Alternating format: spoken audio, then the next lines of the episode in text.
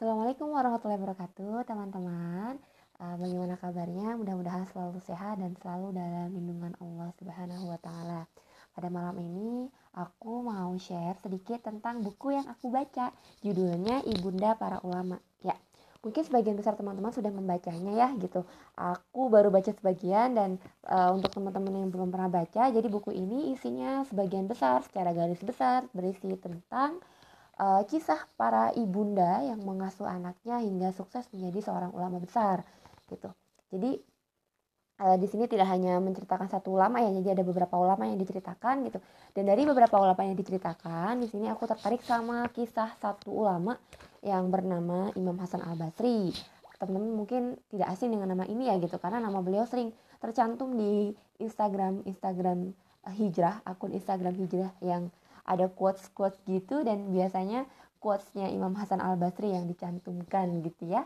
Uh, aku personal sih emang uh, mengenal beliau dari uh, quotes quotesnya beliau gitu ya. Apa sih nyebutnya? Kata mutiara ya? Oke okay. uh, kenapa aku tertarik sama kisahnya Imam Hasan Al Basri gitu? Karena dari semua kisah yang ada di dalam buku ini menceritakan tentang ibunda. Ibunda yang melahirkan ulama tersebut untuk Imam Hasan Al Basri ini yang diceritakan adalah ibu susu atau ibu yang menyusui Imam Hasan Al Basri gitu. Aku jadi tertarik gitu selain karena uh, bidangku di kesehatan sebagai seorang bidan gitu yang uh, salah satunya mempromosikan air susu ibu untuk anak gitu ya, untuk bayi.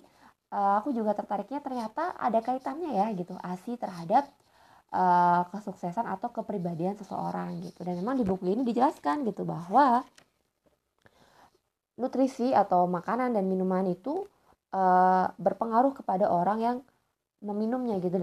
Dan ini tidak tidak hanya berbentuk makanan apa yang dimakan gitu tapi berkaitan dengan bagaimana makanan itu didapatkan gitu dengan cara yang halal atau haram gitu.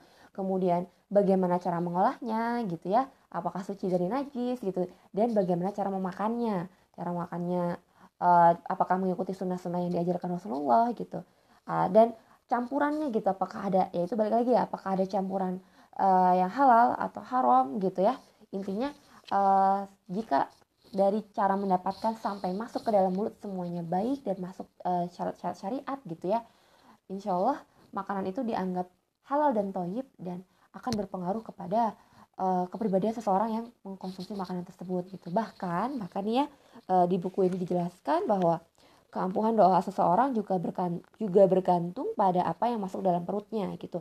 Semakin baik yang masuk ke dalam perutnya, maka semakin mustajab pula doanya gitu. Nah ini Ibnu Abbas radhiallahu anha mengatakan, aku pernah membaca firman Allah berikut di hadapan Rasulullah Shallallahu alaihi wasallam. Ya ayuhan nasu kulu mimma fil ardi halalan thayyiba. Hai sekalian manusia, makanlah yang halal dan baik-baik dari apa yang ada di muka bumi. Ini ada di Quran surat Al-Baqarah ayat 168. Maka saat itu bangkitlah Sa'ad bin Abi Waqqas radhiyallahu anha eh radhiyallahu an radhiyallahu anhu sorry sorry. Seraya berkata wahai Rasulullah doakanlah supaya Allah menjadikanku orang yang mustajab doanya. Maka Nabi Shallallahu Alaihi Wasallam menjawab wahai Sa'ad perbaikilah makananmu niscaya kamu menjadi orang yang mustajab doanya. Demi zat jiwa demi zat yang jiwa Muhammad berada di tangannya boleh jadi seorang hamba memasukkan sesuap makanan haram ke dalam perutnya, kemudian amalnya tertolak selama 40 hari. Ingatlah siapa pun yang dagingnya tumbuh dari usaha yang haram dan riba, maka nerakalah yang lebih layak baginya. Nah, dari sini kita tahu betapa besar peranan nutrisi uh, dalam membentuk kepribadian seseorang gitu. Dan dan sekarang pertanyaannya adalah siapa sih ibu susunya Hasan Al Basri ini gitu? Nah ternyata Masya Allah ya ternyata ibu susunya adalah Ummu Salamah atau Bi, uh, Hindun binti Suhail. Siapakah beliau?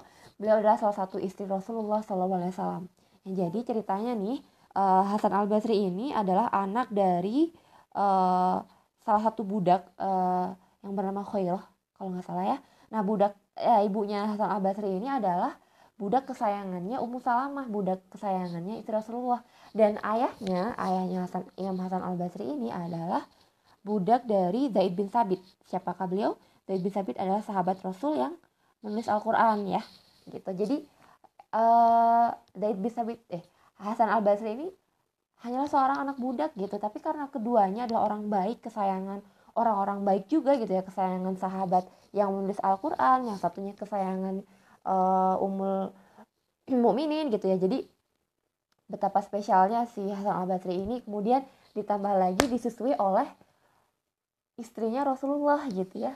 Ibundanya umat Islam gitu. Ibundanya orang yang beriman gitu. Jadi uh, wajar saja jika Imam Hasan Al Basri tumbuh besar menjadi ulama besar di zaman tabiin gitu yang karyanya hingga sekarang masih kita rasakan manfaatnya gitu.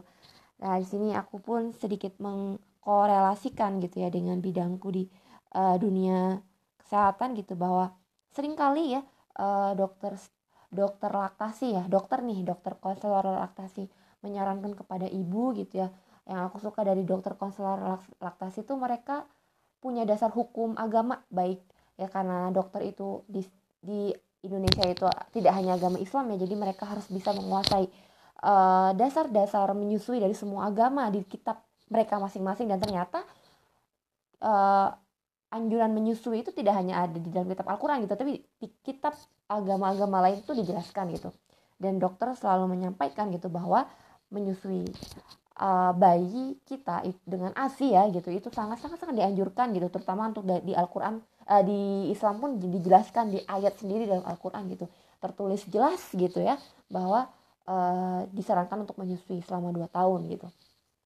Nah, dari sini juga kita tak uh, bisa aku berusaha ini ya mengkorelasikannya jadi betapa penting peranan ASI di uh, apa ya di perkembangan seorang anak gitu kemudian jika kita sebagai ibu kandungnya anak nanti gitu dan kita berniat ya harus ya harus memberikan asi kepada anak kita bagaimana nih ini tentang bagaimana uh, usaha kita agar menjadi ibu susu sekaligus ibu yang melahirkan anak kita yang berkualitas gitu. Ibu yang berkualitas yang melahirkan yang memberikan asi gitu bagi anak kita gitu. Sehingga apa ya uh, kepribadian anak kita kesuksesan anak kita itu uh, sangat besar pengaruh kita terhadap mereka gitu. Yang harapannya kita pasti berharap anak kita keturunan kita orang yang kita asuh menjadi orang yang besar manfaatnya uh, yang besar manfaatnya untuk untuk keluarga gitu ya untuk agama dan untuk negara gitu. Gitu kali ya gitu. Jadi untuk teman-teman dan untuk diriku sendiri terutama semangat memperbaiki diri. Semoga kita menjadi ibu istri perempuan yang baik di akhir zaman. Amin ya rabbal alamin. Itu aja yang aku pengen share. Assalamualaikum warahmatullahi wabarakatuh. Mohon maaf jika ada salah pengucapan tadi terutama di uh, pengucapan sahabat rodeloan rodeloan anhu untuk sahabat laki-laki dan rodeloan anha untuk sahabiah. Oke terima kasih. Dah